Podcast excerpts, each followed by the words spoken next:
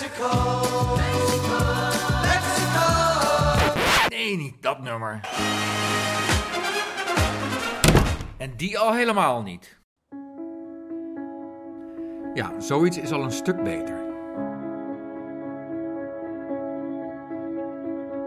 Eh, Karsten, eh, Carrie, eh, jullie staan nu op Schiphol. Ja. Over 2,5 uur vertrekt het vliegtuig naar Mexico City. ja. Eh, jullie hebben vrij kleine koffers bij je. Wat zit erin? Wat zit erin? Heel veel liefde.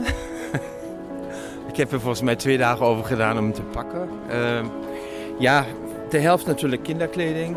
En eh, ik, ik heb nog nooit zo weinig voor mezelf meegenomen. Want ik ben iemand die, als hij op reis gaat, neemt hij gewoon heel veel dingen mee.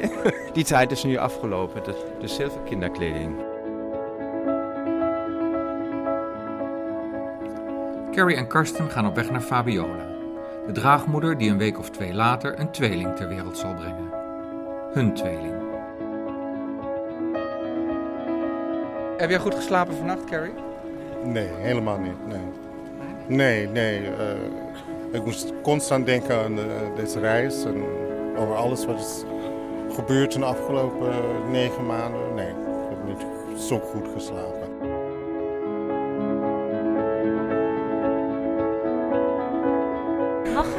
Paspoort alstublieft? Ja. Zo, en wat is uw eindbestemming? Tuxtla Gutierrez. Zullen we nog een vraag? Want ehm, wij gaan naar Mexico. Maar ik heb met het boeken van de tickets, want we worden vaders in Mexico. Van een tweeling. En, want nu vliegen we als twee volwassenen heen. Ja, Maar we komen met twee kinderen terug. Ja. Wat moeten wij doen als we straks vertrekken? Moeten we dat van tevoren kenbaar maken natuurlijk? Dat ze twee baby's hebben? Of... Oh, dan kunt u misschien het beste eventjes naar de ticketdesk lopen van de Aero Mexico en daar aangegeven voor terugvlucht. eh, Dus het beste regelt u meteen nu al. Nu hebben ze nog niet bij ons, maar die gaan we ophalen. Dus. Leuk hoor. Ja. Veel plezier alvast en een fijne reis.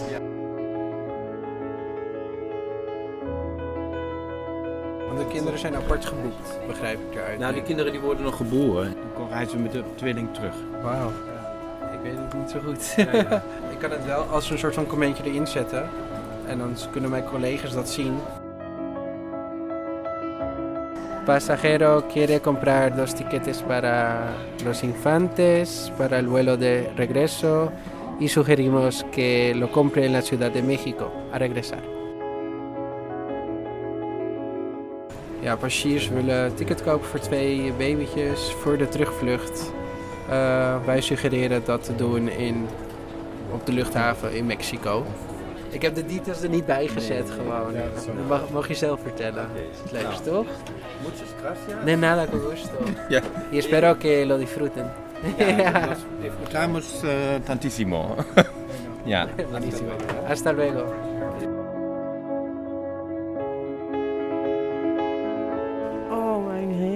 Dan gaat het echt gebeuren.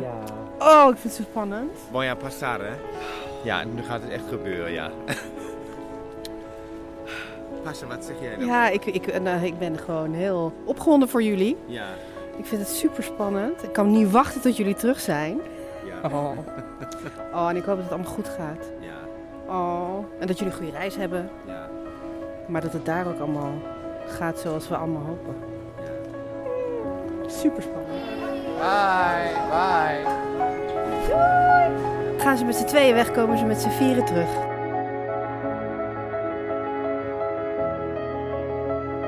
Eh, Ik ben Pasha. Ik ben eh, de buurvrouw eh, van Karsten en Kerry. Sinds, eh, eigenlijk al sinds lang, want we, zijn, we woonden eerst als buren op een ander adres. En nu zijn wij achter ze aan verhuisd naar een nieuw adres. Dus we zijn weer buren. Ik ben Daniel, haar man. En eh, nou ja, al die tijd met haar ook buurman geweest. Dus. En sinds wanneer is dat? Nou, wat zal het zijn? 2004, 5, zoiets. Dus we kennen ze al heel erg lang. En, en eh, jullie, jullie hebben al die jaren meegeleefd ook met alle, alle ups en downs. En eh, hoe gaat dat eh, straks als, als ze komen? Welke rol gaan jullie spelen? Ja, ik, ik word natuurlijk surrogaatmoeder. Nee hoor. Nee, maar weet je, wij, wij hebben zelf eh, twee kinderen. Een zoon en een dochter van 14 en, eh, en bijna 12. Dus wij zijn eh, redelijk ervaren ouders. En wat ik in de afgelopen periode ook wel heb gemerkt, is dat ze ook wel, weet je, komen met vragen van, goh, en hoe pakken jullie dit dan aan en hoe zouden jullie zulke dingen dus doen? Dus ik kan me voorstellen dat, je, dat wij wel zo'n soort van adviesrol naast natuurlijk oppassen en heel veel knuffelen met die meisjes, joh. Nou, ik denk dat dat hun een soort rust ook geeft. Hè? Dat het een soort omgeving is waarvan ze denken, nou, daar, daar kunnen we ook bij terecht. En daar, eh, ik heb het idee dat ze ook veel buren daar al kennen hoor, waar, ze een goede band mee hebben. Dus dat is, eh, maar dat is wel iets waar, waar die jongens ook wel echt naar op zoek kunnen zijn. Hè? Van oké jongens, waar, eh, wie geeft ons een beetje steun daar als, het, als het nodig zou mogen zijn? Nou, dat en ik denk dat dat heel verstandig is. En in deze situatie zeker is dat wel gebleken. Als ik weer thuis ben, krijg ik een appje van Karsten. Hi Peter, we kregen zo net een upgrade naar de eerste klas. Al het Bali-personeel kwam ons bij de gate opzoeken en ons bedanken voor ons verhaal. Leuk hè?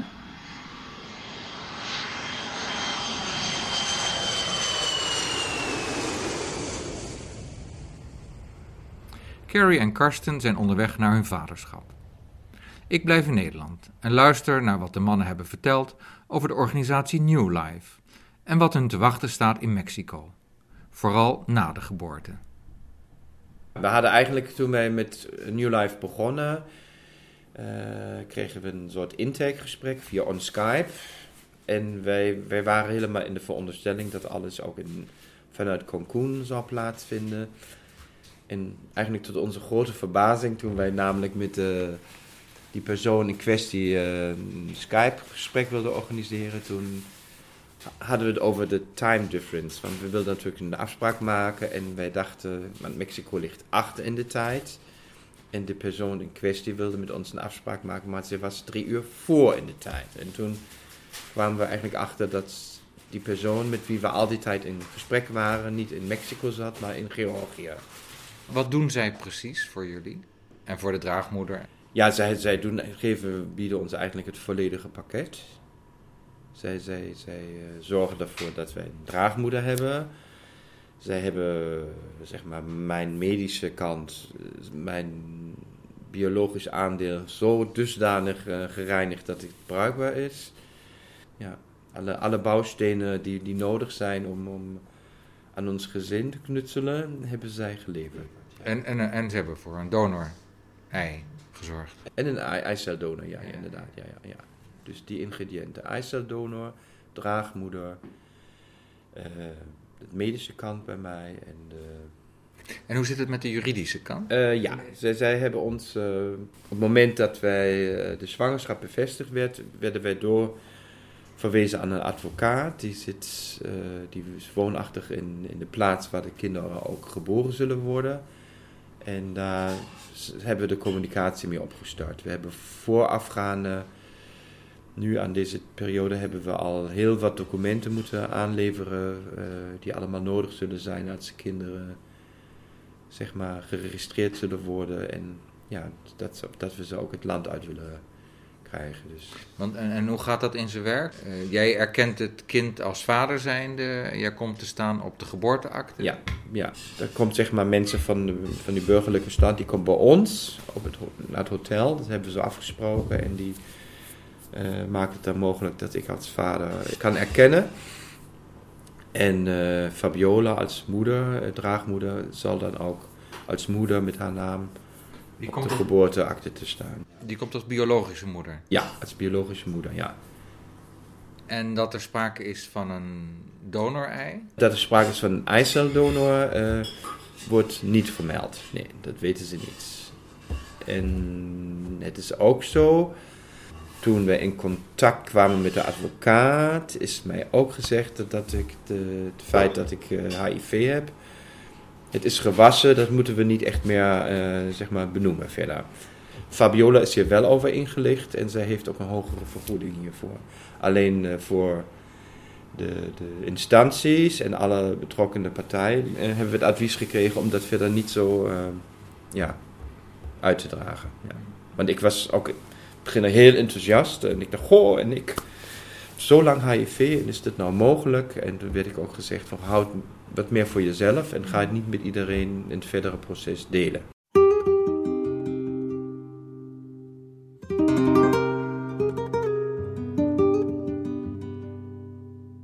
Als het goed is, hebben we over een paar weken dan een, eh, een blakende tweeling. Mhm. Twee meisjes. Ja. En eh, met een Nederlandse, nee, met een Duitse vader. Oorspronkelijk Duitse vader. Ik ben Heb je een Nederlands paspoort? Ik heb een, een Oh. Nederlands paspoort. ja, dus het ja. zijn. hè? Ja. En een Mexicaanse moeder. Ja. En Ja. op basis daarvan kun je de twee kinderen meenemen naar Nederland? Ja, eh, Fabiola, de draagmoeder, gaat na de bevalling eh, gaat ze een notarieel stuk gaat ze tekenen dat zij eh, afstand gaat doen van alle rechten en alles wat er mee hoort. Ja, dan gaan wij de ambassade benaderen met alle stukken en de geboorteakte en dan gaan we de Nederlandse paspoorten aanvragen. Dat is het plan. Er is nog een stuk wat voor ons nog niet helemaal duidelijk is. En dat moeten we ontdekken en dat moeten we. Ja, zweeft ook een beetje boven ons hoofd, want we weten nog niet echt hoe dat in de praktijk daaruit komt te zien. Ja, en we hebben ook Nederlandse advocaten inmiddels. In Amsterdam is die eh, gevestigd. En eh, ze had ons aangegeven, goh, als de kinderen in Nederland zijn, dan moet ik het ouderlijk gezag ook hier aanvragen.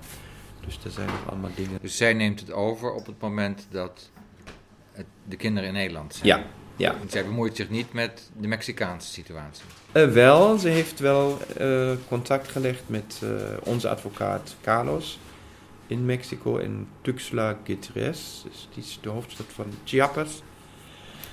En ze hebben onderling ook al informatie uitgewisseld. Alleen daar hebben we niet allemaal tot nu toe 100% bevredigende antwoorden gekregen. En er is een stukje wat nog niet, ja, wat misschien verrassingen kan geven.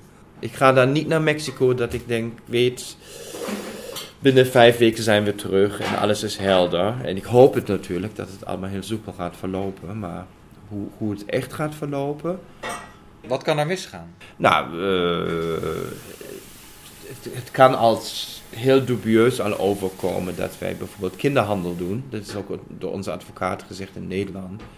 Dat al onze acties eh, tegen ons worden uitgelegd. Dat we bijvoorbeeld met daar met justitie in aanraking kunnen komen. Dus dat, dat, eh, maar hoe dat eruit ziet, weet ik niet. Maar misschien eh, dat het verkeerd ver- geïnterpreteerd wordt. Maar daar, daar denk ik eigenlijk liever niet aan. En daar ga ik ook niet van uit. Maar New Life heeft natuurlijk eh, vaker met dit hamertje getikt. Tot het stukje aan de ambassade helpen ze ons. Middels die advocaat. En vanaf de ambassade, Nederlandse ambassade, is het aan ons om te zorgen dat het kind naar, de, naar het nieuwe land gaat. En ja, dat, daar houdt hun verantwoordelijkheid eigenlijk op. Heb je contact gehad met de Nederlandse ambassade in Mexico? Eh, ja. Ja. Alleen ik, dat, Ik zie eh, Carrie die begint nu te, ja, ik heb te glimlachen. Ja, ik heb al helemaal het begin van het proces daar heb ik contact gelegd. En daar heb ik heel veel e-mailwisselingen over gehad en vragen gesteld. En ja, ik kan het eigenlijk niet reproduceren wat, eh, Maar de teneur? De, wat, de- welke teneur? Dat het ingewikkeld is. Ja, ja, ja.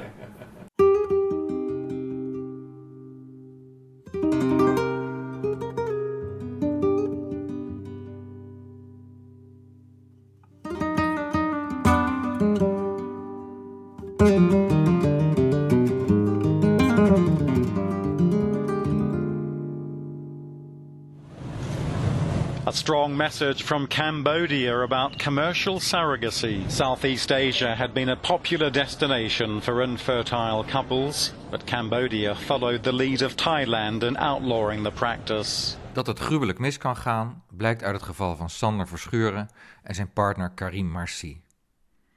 Ook zij waren in zee gegaan met New Life en een draagmoeder in Cambodja. Toen zij in januari 2017 zes maanden zwanger was van een Zuid-Afrikaanse eiceldonor, verbood de Cambodjaanse overheid plotseling per direct draagmoederschap, zonder enige overgangsregeling. Voor Sander en Karim dreigde een debakel. Zij zouden hun baby het land niet meer uit kunnen krijgen. Maar dit verbod kwam niet helemaal uit de lucht vallen. Er waren al bijna een jaar eerder in Cambodja stemmen opgegaan om draagmoederschap te verbieden. New Life had dit voor de vaders in spe verzwegen. En plots liet ook New Life niets meer van zich horen. Met kunst en vliegwerk heeft Sander Verschuren de identiteit van draagmoeder Vanna weten te achterhalen. De hulp van de Volkskrant en een plaatselijke journaliste waren daarbij essentieel. De draagmoeder was blij verrast plotseling Sander voor haar neus te zien. Hij heeft zijn dochter uiteindelijk toch kunnen meenemen naar Nederland, omdat de Nederlandse ambassade ter plekke, na enige aarzeling, uiteindelijk toch een paspoort voor het kind afgaf. Dat was weliswaar in strijd met de op dat moment geldende wetgeving in Cambodja, maar Sander had het kind al voor de geboorte erkend. In Nederland wel te verstaan. Een dergelijke veiligheidsmethode zou echter met Mexico niet kunnen.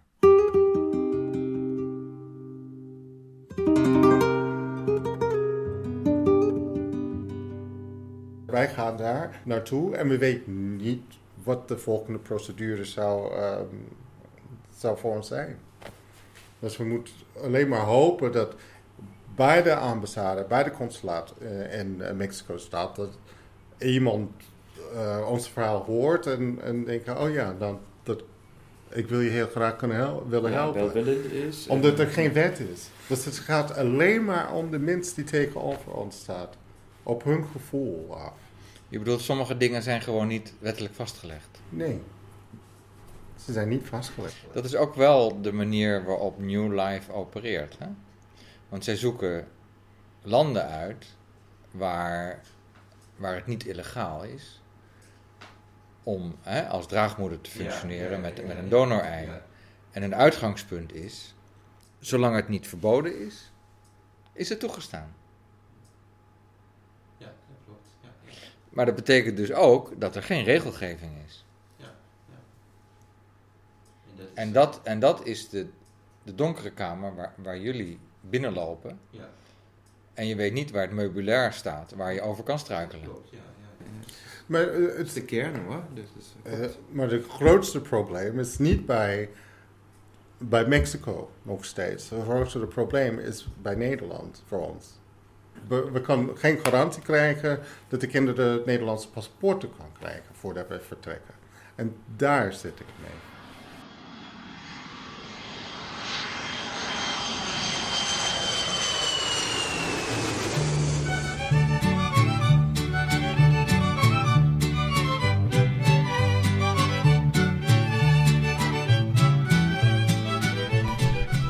Kerry, niet zo die, die microfoon voor mijn neus duwen zoals Peter doet. Dat is eh, niet... Grapje, Peter. Hallo. hi, Hallo hi. Peter. De mannen zijn inmiddels geland in Tuxtla, in de zuidelijke Mexicaanse provincie Chiapas. Hier gaat het allemaal gebeuren. Omdat ik niet mee kon, heb ik een microfoon in hun koffer gestopt. De opnames sturen ze naar Nederland.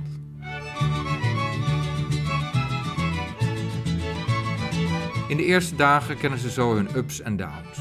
Maar ze zijn natuurlijk al eerste naar draagmoeder Fabiola gegaan. Zij had een grote lach op haar gezicht en ehm, ze was blij om ons te zien. Met dit heel grote buik.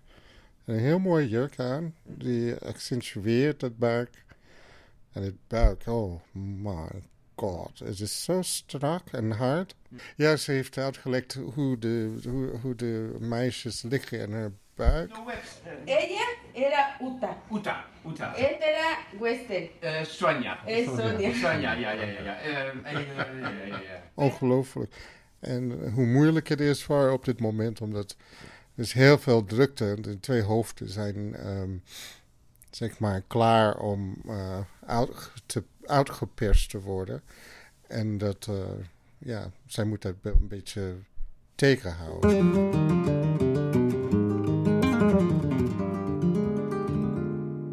Eh, We zijn uit eten gegaan. Uh, Karsten en Fabiola zijn, eh, ging dansen een klein beetje. Ja, dat dansen allemaal een beetje ouderwetse stellen. Op allemaal ouderwetse muziek. Traditionele muziek muziek. het is, En je kan dansen en dan hoor je die ouderwetse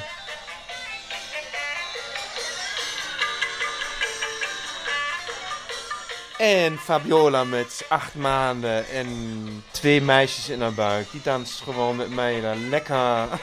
Zijn aan het dansen. Dus dat had ik gisteren niet voor mogelijk gehouden. En eh, ja, Fabiola had meer energie dan wij eigenlijk, hè? Vandaag. Ja, Dus, dus, ja. ze heeft behoorlijk veel energie. Ze Ja. Heel erg spraakzaam. Ja. En ehm, ja, het was leuk met haar. Leuk met haar. Ja, dus eh, ja, ze is ook heel welwillend naar ons toe. Ze, ze, ze, eh, ze- we hebben gesproken over ja, hoe gaan we dat doen bij de bevalling. Eh, ze, ze staat er open voor om ook de baby's borstvoeding te willen geven. Terwijl we er heel lang werd ons gezegd, nou vanaf het moment van de geboorte, dan zal, eh, ja, er zal geen borstvoeding gegeven worden. Maar ja, als wij dat goed vinden en zij ook, dan, dan zien we eigenlijk geen bezwaar. Ja, niemand kan eh, ons Ja, tegenhouden. en zij zegt eigenlijk, Fabiola zegt, nou ze wil heel graag de kinderen ja, die, die belangrijke voedingsstoffen meegeven. Ja. Dus dat vonden wij heel erg, wauw, wat een geluk weer. Ja. ja, dus dat heeft onze dag weer heel erg blij gemaakt weer, in tegenstelling tot vanochtend.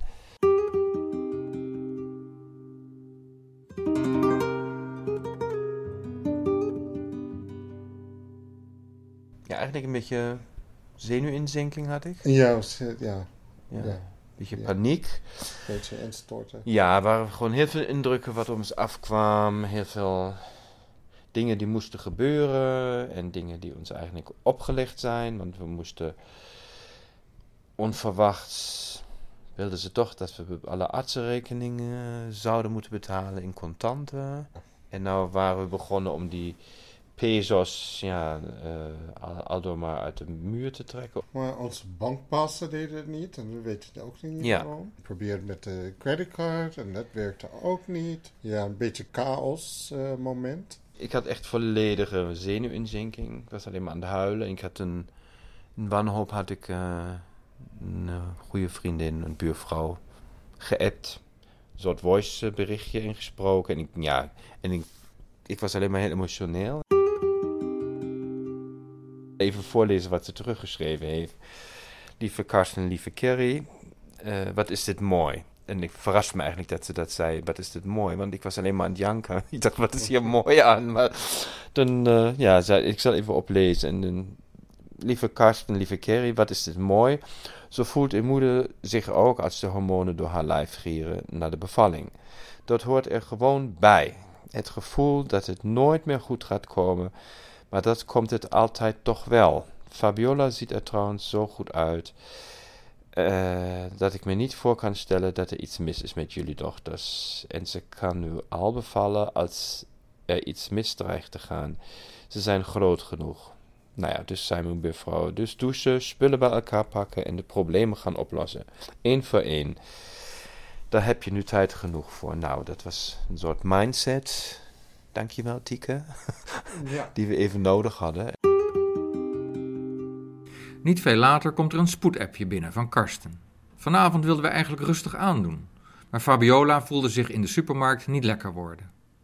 Hevige pijn onderin en hevige pijn in de onderrug. Ze dacht ook dat het vruchtwater gebroken was. De meisjes waren erg druk in de buik.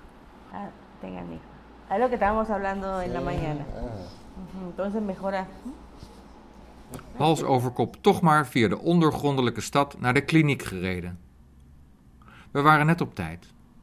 De ontsluiting was net begonnen, 1 centimeter. Tener más dilatación. Tiene un centímetro. En Fabiola had al weeën. De meisjes zijn nu 34,5 week oud. De artsen zetten in op nog één week wachten. De bevalling is waarschijnlijk nog wel tegen te houden. Dat zou mooi zijn, want dan hoeven ze niet de couveuse in. Fabiola krijgt nu een infuus met een middel dat de ontsluiting moet tegengaan. Mero cuatro días ya se van rápido. Y ya nada más una semana hasta el 29, ¿no? We brengen de nacht door op Fabiola's, tussen aanhalingstekens, gezellige kamer. Morgen weten we meer.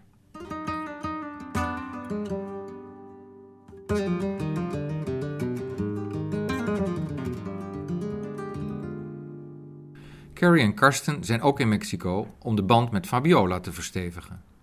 Hoe onderhouden ze die band als ze straks weer thuis zijn, met de tweeling? Zij is nu familie. Het is een blijffamilie, toch? Voor on- ons was het eigenlijk heel, heel verrassend, want wij waren gekoppeld een jaar geleden aan Fabiola en we werden eigenlijk een kennismaking gehad. En toen werd ook, eh, onder, gingen we onderzoeken naar die kennismaking, goh, is er een klik of niet? En die was aan beide kanten en zij wilde met ons verder en wij merkten ook, goh, we waren zo, er was zoveel warmte en hartelijkheid meteen, dat we dachten, goh, we durven het ook wel aan met haar verder te gaan. Toen is eigenlijk vanaf dat moment was het een beetje een, eh, ja, een technisch of gecontroleerd contact tussen Fabiola en ons. En alle, alles werd eigenlijk ook eh, begeleid door New Life en ook gecontroleerd. En we hadden ook het moment dat ze zwanger werd en we hadden een aantal keren geskyped. Toen merkten we ook dat, Fabiola best stil was soms. En nee, we kwamen op een gegeven moment tot een punt dat we dachten: ja, we willen haar toch ook vragen hoe zij daar tegenover staat als de kinderen geboren zijn. En of, dat, of ze dat klinisch, zeg maar, lijn wil trekken of dat ze ook open staat voor contact. En ja, tot onze allergrootste verbazing toen wij haar die vraag stelden, toen op, op zo'n Skype-sessie, dan ja, werd ze ook heel geëmotioneerd. En, ze was, zei dat ze heel blij is met die vraag, want ze mocht die vraag eigenlijk ook niet aan ons voorleggen. Want ze mag de, de, de wensouders, die bepalen eigenlijk in, in, in die kwestie wat, wel of niet aan contact mogelijk is. En, nou ja, en toen zei ze ruimhartig dat ze daar heel erg voor open staat en dat ze deze vraag heel erg gehoopt had. En eh, ja, dat ze heel blij is dat ze ja, later met de kinderen die ze nu in zich draagt, ja, want daar heeft ze ook een band mee, dat ze dat heel graag eh, ja, aan wil houden met ons en wil onderhouden. En eh, nou ja, daar hebben En wij heel, heel erg geboft, denk ik. Dat, wij, dat ze ons ja, hiervoor... Daar hadden we ook niet durven te verwachten. Want ik, ik dacht ook echt...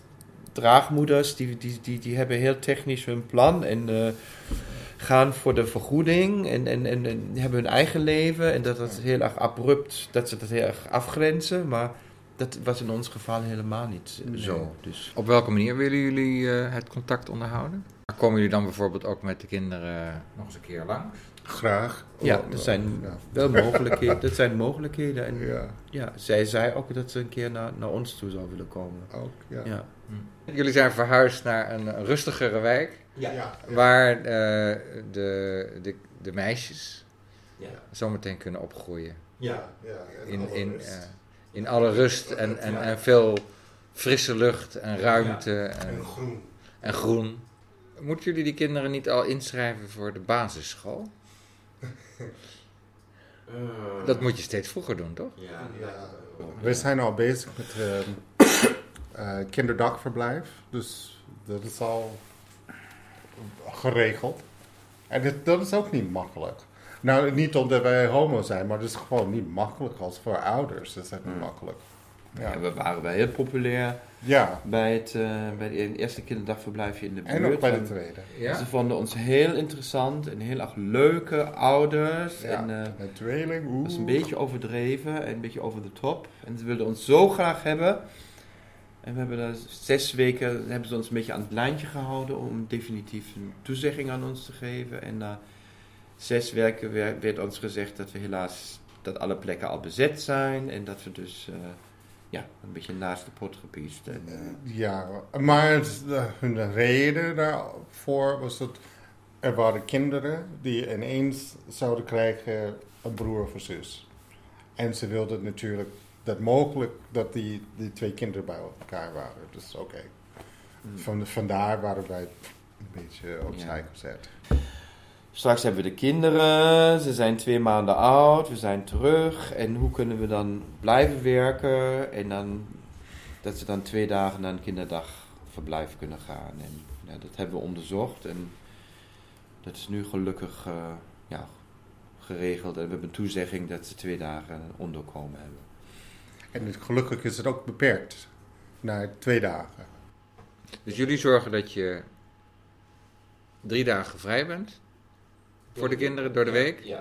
En dat de kinderen hoeven dan maar twee dagen naar Ja. het kinderdagverblijf. En de rest van de dagen werken we keihard om die twee dagen kinderdagverblijf te kunnen bekostigen. Dus dat komt Maar een beetje blijft wel duur. Ja, dat ja. kost heel veel. En hoe lopen jullie nog meer vooruit op de komst van de kinderen? Oh, met spulletjes bedoel je? Ja, nou ja, ik zag hier al eh, wat, wat, wat, wat knuffels liggen. Ja. En ik zag al twee eh, kinderwagens staan. Ja, Nee, ja, dub- dat is dubbel- een dubbel. Een dubbele Ja, kinderwagen. ja, ja, ja. Ja. We hebben twee eh co-sleepers gekocht. Dat is eh, zodat de baby's naast het bed kan slapen. Ehm, Want dan kun je ze de fles geven als ze, liggend. als dus ze s'nachts wakker worden. Ja, en met Wat om de drie uur gebeurt. Ja, dat kan. Ja, nou ja. Nee, dat kan. Dat is zo. Ja, is- ja, maar eh, ja, voor mij eh, wakker worden s'nachts is niet zo'n probleem. Dus ik kan heel makkelijk wakker worden en opstaan en dingen doen. Ehm, voor Karsten is het minder makkelijk. Dus ik denk dat ik ga dat s'nachts doen. En overdag is, is Karsten mee bezig. Ja, ja. Dus we hebben het zo, op dit moment hebben we het zo eh, geregeld, gepland, maar ja, weet maar nooit. Ik, ik, ik Maar blijf ik denk, flexibel. je kan er niet helemaal op anticiperen, maar of op dingen vooruitlopen, hoe dingen zullen lopen. Maar we moeten ook onderzoeken hoe gaat dat en, en wat is Kerry's kracht om dat te doen en wat is mijn kracht. En dat zo goed mogelijk te verdelen.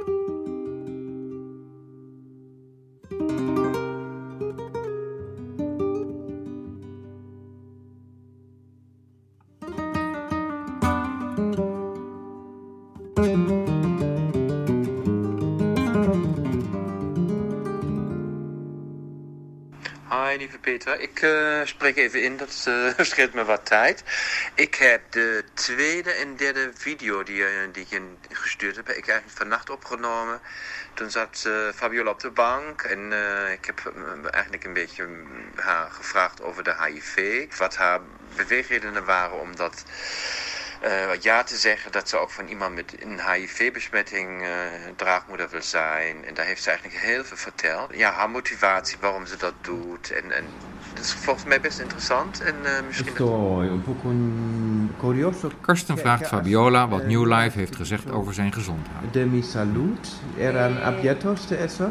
Sí, ellos cuando, cuando yo fui y me dijeron que habían programas con VIH y sin VIH. Sí, sí. Entonces yo les dije, Fabiola antwoordt dat ze weet dat ze geen gevaar loopt voor besmetting met HIV. eh, no, no te va a contagiar, a- a- a- no me va a contagiar. a Omdat het sperma van Karsten is gewassen in Boston. Porque el esperma de- del papá Sí, se manda ja. a un laboratorio a Estados Unidos Ja, en Boston, y hè? se lavan, Ja. se lavan bien, bien, bien, Ja. hasta que el En dus schoon is. esperma queda limpio, Sí, lo regresan ja, ja, para que se pueda utilizar. ja. Porque En dat de no baby's te ook geen a- risico lopen. A infectar a ti tampoco, Ja. ni vamos a infectar a los bebés. Ja. Entonces yo le dije, ah bueno, si es así, este, pues sí, Ja, eh,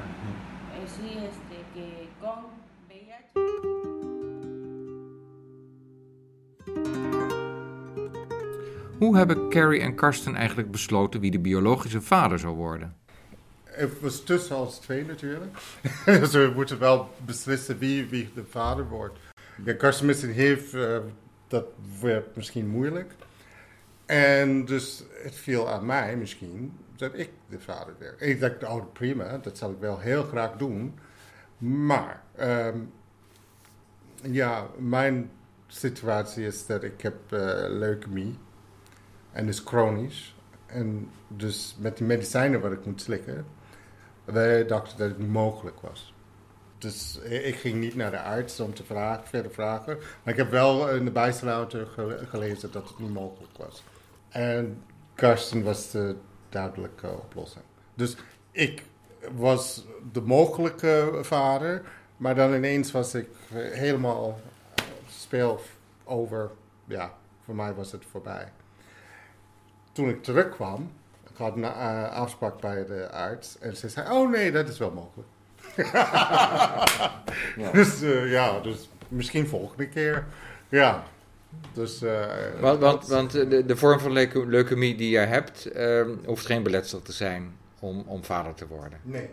Dat wordt niet doorgegeven aan het kind. Nee, nee, nee, nee, nee. Het is niet eh, genetisch. Ze weet niet hoe het is gekomen. Het is dezelfde leukemie die eh, mensen in, Nagasaki en Hiroshima hebben gekregen na een, blootstelling aan grote ja, nucleaire straling. Maar ik weet echt niet hoe dat is gekomen. En, en wat betekent deze ziekte voor jouw levensverwachting? Uh, met die medicijnen wat ik nu slik, uh, mijn internist zei, nou je gaat niet dood aan, aan CML. Aan, aan, aan leukemie? Uh, ja, ja. Ik bedoel, de kans dat je onder de tram stapt is groter. Is groter, ja. ja. Of anders had ik ook niet dit traject willen aan. Want ik denk, ja, dat is ook niet leuk voor Karsten. eh, ja, Hm. dat ik uh, ga dood en dan ben jij hier met twee meiden. En, en uh, wat jou betreft, Karsten, uh, je hebt HIV, het is niet detecteerbaar. Um, wat betekent dat voor jouw leven? Daar ga ik terug, want het moment dat ik het kreeg in 1989, toen, toen, was, had het desastreuze gevolgen voor mij. En ik merkte ook, ik ben heel beperkt in wat ik kan. Ik had ook helemaal geen toekomstdenken destijds. Mijn vrienden om me heen vielen weg. En uh, ja, ik heb toen nog mijn opleiding afgemaakt waar ik mee bezig was. Maar ik durfde ook helemaal niet vooruitdenken. En dat is in de loop der jaren wel volledig veranderd. Dat ik merk, uh, ik heb na die opleiding die ik afgemaakt heb, nog een opleiding gedaan. En ik heb uh, ja, toch weer steeds weer mijn grens verlegd. En ik heb eigenlijk weer heel normaal deel kunnen nemen aan een leven wat iedereen uh, eigenlijk doet. En uh, hoefde mezelf ook niet meer weg te cijferen. Dus met de medicatie die ik nu heb, heb ik eigenlijk, kan ik ook oud worden. In die zin van, ja, is een leven normaal mogelijk. Ja. Wat voor jou geldt, geldt ook voor ja. Carrie. Ja. De kans is groter dat je onder de tram loopt. Ja, en de kans dat, we samen onder de tram lopen is best groot, want we lopen altijd naast elkaar. Ja. Dat zou ik maar heel goed oppassen. Ja, ja, Dus we gaan niet meer naar de binnenstad om de tram te mijden.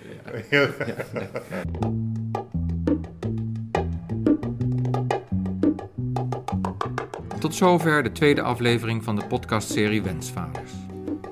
In de komende delen wordt natuurlijk de tweeling geboren en hoor je hoe het iedereen afgaat in Mexico.